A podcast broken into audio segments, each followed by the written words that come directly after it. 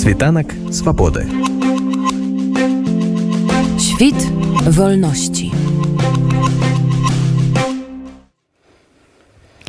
Канцлер германії олаф шольц запатрабаваў ад рассіі выключыць прымяненне ядзернай зброі ў вайне супраць украіны. Пра гэта ён заявіў 5 лістапада ў берліне на з'ездзе сацыял-дэмакратычнай партыі. Па словах канцлера Росія была і застаецца вялікай ваеннай дзяржавай. Менавіта таму вельмі і вельмі важна сказаць ёй недапушчальна выкарыстоўваць у гэтым канфлікце ядзерную зброю. Мы заклікаем Росію дакладна заявіць што яна гэтага рабіць не будзе. Гэта тая лінія якую нельга пераступаць. Пра лініі якія ўжо пераступіла Росія праз 8 месяцаў паўнамасштабнай вайны і які урокі свет вынесе з падзей 2022 года моя калега ольга сямашка пагаварыла з палітычным аглядальнікам дойчы вэлі константинам фон эгертам Константин, прошло уже 8 месяцев э, со времени начала войны. А какие выводы вы для себя сделали с точки зрения того, как вот изменился мир? Какие политики вас э, поразили своей реакцией? Какие-то, может, неприятно удивили? Ну, во-первых, с начала войны прошло не 8 месяцев, а 8 лет. И можно говорить о том, что в феврале этого года началось широкомасштабное вторжение. Россия в Украину война началась в 2014 году. И с этой точки зрения, мне кажется, прежде всего большим и важным для меня явлением стало то, что э, президент Зеленский очень быстро смог понять, что он наследует ситуацию очень тяжелую, и она развивается, к сожалению, в еще более чудовищном русле. Он меня, конечно, просто потряс тем, как быстро он стал по-настоящему верховным главнокомандующим и э, политическим лидером страны тогда, когда многие предсказывали, что как раз у него это не получится в силу его, так сказать, э, истории предыдущей жизни. В этом смысле Зеленский, мне кажется, очень крупной фигурой, которая доказывает в том числе и то, что роль личности в истории никто не отменял. А антигерои? Конечно, главный антигерой во всем этом это Владимир Путин и его, э, его люди, и, так сказать, прислуживающий ему Александр Лукашенко, продолжающий э, пытаться усидеть на сразу нескольких стульях. И вот, кстати, мне очень интересно, чем этот процесс в конечном счете кончится, потому что по мере того, как Россия будет втягиваться в все более сложную войну, а совершенно ясно сегодня, что эта война пошла совсем не так, как хотелось бы в Кремле, давление Лукашенко будет возрастать. И вот, вот этот антигерой герой, как он в конечном счете себя поведет, мне это действительно по-настоящему интересно.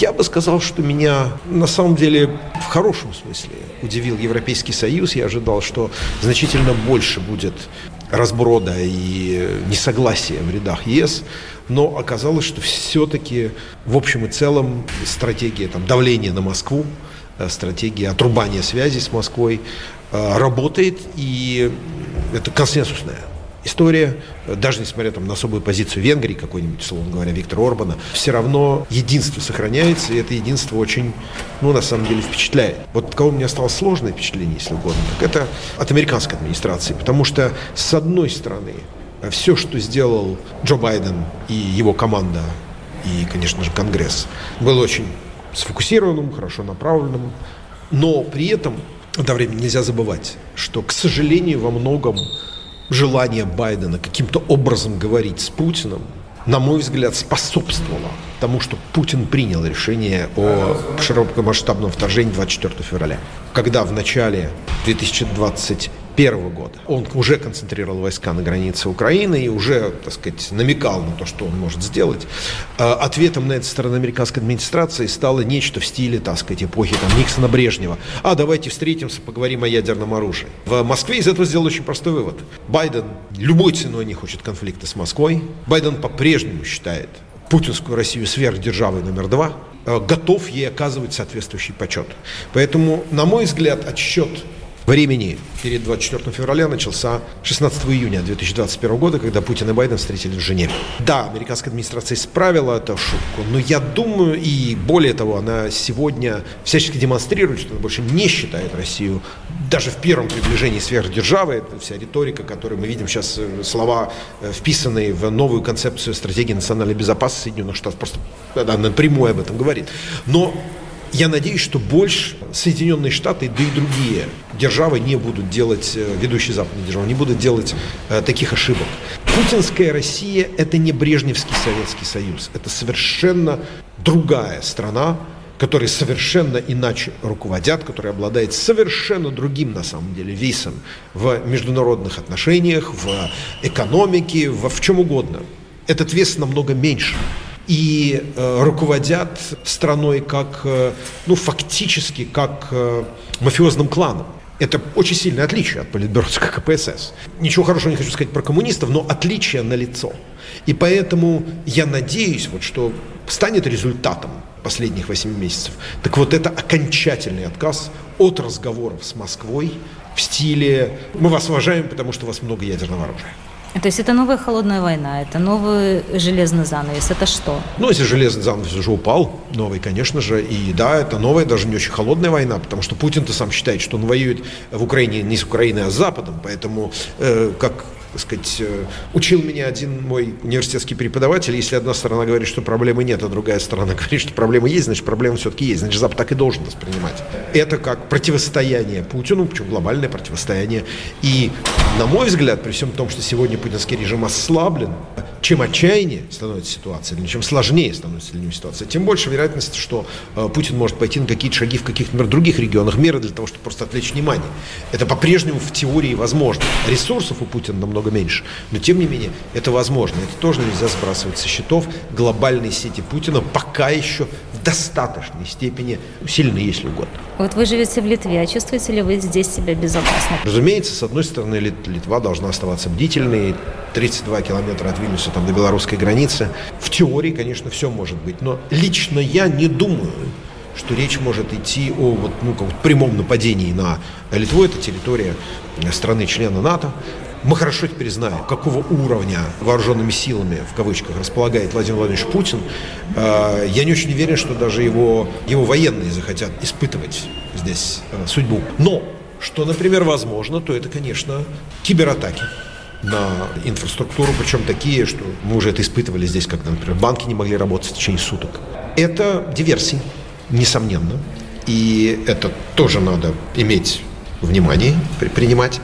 И в-третьих, да, к сожалению, но это тоже возможно, политические покушения. В этом смысле путинский арсенал еще пока, конечно же, присутствует. Другое дело, что и литовское общество, и литовский политический класс, и литовские государственные институты, на мой взгляд, хорошо готовы к отражению этой там гибридной агрессии. Но бдительность терять нельзя. Вы упомянули уже про русскую армию. Вот это такой миф, в который на Западе верили. Откуда он взялся? Э, я думаю, что одна из проблем заключается в том, что значительная часть людей, анализирующих э, состояние российских вооруженных сил, например, в силу понятных причин, например, в России ездить не могут.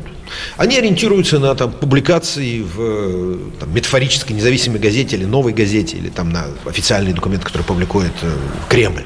Далеко не все эти эксперты, которые советуют что-то, имеют доступ ну, к разведданным. Я уверен, что у Соединенных Штатов были хорошие разведданные о российской армии, судя по точности предсказания вот этой агрессии. Определенная информация там была, и, видимо, она была довольно точная. Но вот экспертное сообщество, которое влияет во многом на политиков, на общественное мнение, оно, конечно, оказалось слишком доверчивым ко всем этим вот разговорам о реформе, которую начал Сердюков, а там заканчивал Шойгу, о том, что вот есть новое такое супероружие, секое супероружие.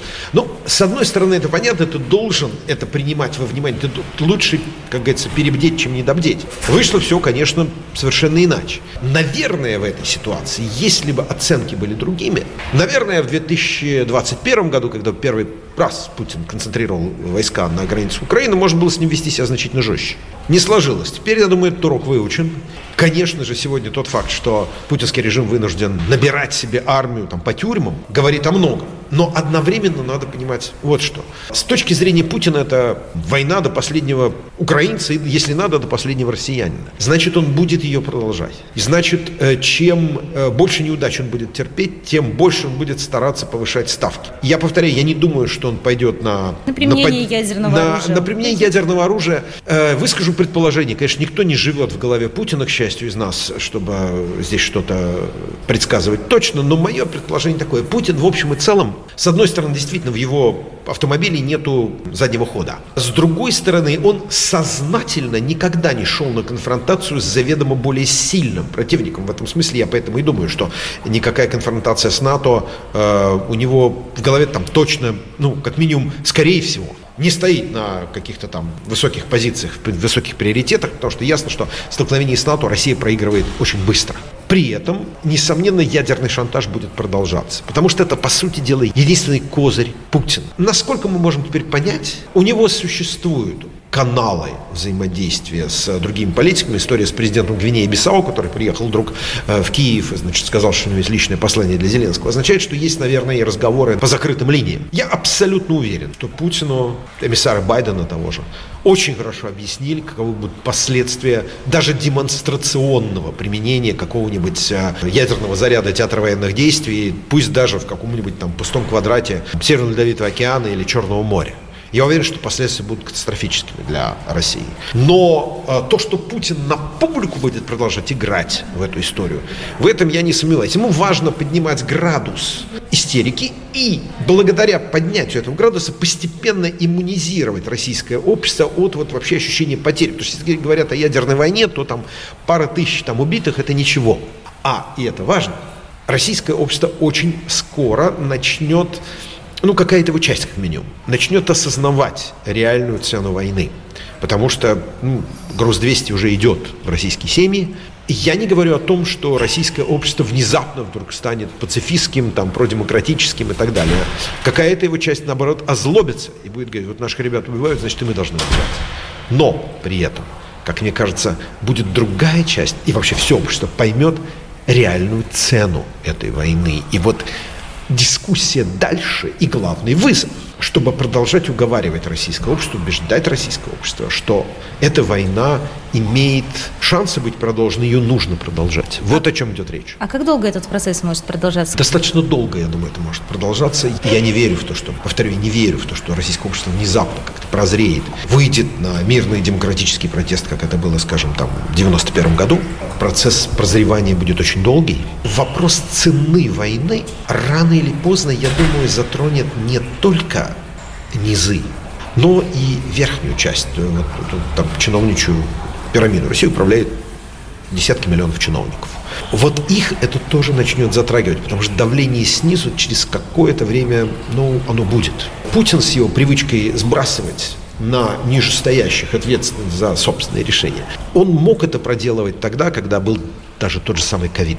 Сегодня это будет постепенно все сложнее делать. С моей точки зрения, все-таки эта война, это война Путина и части его ближнего круга, которые действительно уверовали в то, что они придают России какую-то там, дают ей какую-то новую роль, они возрождают ее величие, там, назовите как хотите. Для миллионов и миллионов государственных бюрократов, включая даже тех же ФСБшников, это, в общем-то, все-таки не совсем их война. Я думаю, что ответственности за нее они точно захотят избежать. И вот Тут обычно и начинается слом системы. Произойдет ли он, если произойдет, то когда, здесь я, так сказать, пока еще осторожен. Я думаю, что это все-таки потребует, может быть, несколько более долгого периода, чем там, условно говоря, несколько месяцев. Европейский Союз, глядя, как ведет себя Венгрия, уже задумывается о том, что надо в положение вносить, да, там отменять это правило вето. Он mm. много вопросов. Вот как вот эта вот структура политическая изменится? Это очень хороший вопрос, потому что на самом деле вот именно после 24 февраля внезапно стало ясно, что да, значительная часть структур Э, созданных ну, непосредственно в послевоенное время, после Второй мировой войны, таких как ООН. И элементы принятия решений в Европейском Союзе, которые ну, намного более недавние, Копенгаген, Копенгагенские критерии, Лиссабонские критерии, все это уже сегодня не соответствует современным вызовам. Европейский Союз медленно меняется, Поэтому я думаю, что будет очень серьезное противодействие голосованию, ну, изменению правил голосования. Потому что, ну, например, э, значительная часть членов не захочет чтобы эти правила менялись, потому что любое изменение будет вести к тому, что фактически все в э, ЕС будут решать Германия и Франция. Этого все хотят избежать. А учитывая тот факт, что страны Балтии – Польши, вообще Центральная Европа, может быть, за исключением Венгрии, сегодня приобрели, их голос стал звучать значительно громче во всех институтах Европейского Союза, потому что они в конечном счете были правы, а немцы и французы были неправы. Они эту свою роль просто так не отдадут. Поэтому дискуссия вокруг того, как менять Европейский Союз, будет продолжаться. И я не могу исключить, что в конечном счете идея будет такая, что да, это должно быть немножко более свободное сообщество наций, в большей степени союз государств наций, чем э, нечто приближающееся к Европейской Федерации. Такого варианта развития я, событий я не могу исключить. Естественно, гигантским вызовом и одновременно большим шансом станет восстановление Украины и решение вопроса о том, собственно, какой статус она будет иметь в Европейском Союзе. Украинцы будут очень серьезные основания говорить, давайте принимайте нас в Евросоюз, принимайте нас в НАТО. Многие будут этому противиться просто потому, что будут бояться, что это будет состояние перманентной войны. Конечно, все зависит от того, какой будет режим в Москве. Если это так и будет, то дискуссию о будущем это все равно не прекратит. Что касается ООН, то здесь, к сожалению, есть вот какая проблема. Для того, чтобы реформировать ООН, нужно согласие постоянных членов Совбеза. Они его не дадут. Я думаю, что ООН скорее ждет такая жизнь постепенного загнивания и превращения в политически нерелевантное место, э, в котором как-то вот, ну, более-менее на что-то будут влиять как раз те, кто занимается конкретикой. Ну, какая-нибудь, условно говоря, там, Всемирная организация здравоохранения или ЮНЕСКО, которые там, ну, охраняют культурное наследие. Ну, что же вы не охраняете? Конечно, хорошо. Никто же не скажет, что плохо. А вот идея, то, что может быть какой-то вариант, при котором будет некий глобальный мир обеспечиваться там питью, ответственностью. Нет, этого не будет. В этом смысле ООН довольно незавидная перспектива превращения во что-то такое нерелевантное. Есть, наконец, НАТО. И я думаю, что вот эта организация получила с помощью товарища Путина а, очень серьезное поддержку. Очень трудно сегодня сказать, что НАТО не должна существовать, что он там какой-то остаток холодной войны. Оказалось, что этот самый успешный в истории человечества оборонный альянс оказался еще более успешным, чем многие думали. И НАТО будет, конечно, развиваться. И от того, как будет складываться ситуация в Украине, Грузии, Молдове, от того, будет ли совершен прорыв на вот это вот, э, ну, то, что до недавнего времени было еще нормально называть постсоветским пространством, а сегодня я бы сказал, это пост-постсоветское пространство. Станут ли эти страны членами Альянса? Вот от этого очень многое зависит, потому что это как пощечина путинской России, так и большой вызов для самого Альянса. НАТО показал себя организацией как раз в наибольшей степени способной к развитию и к адаптации.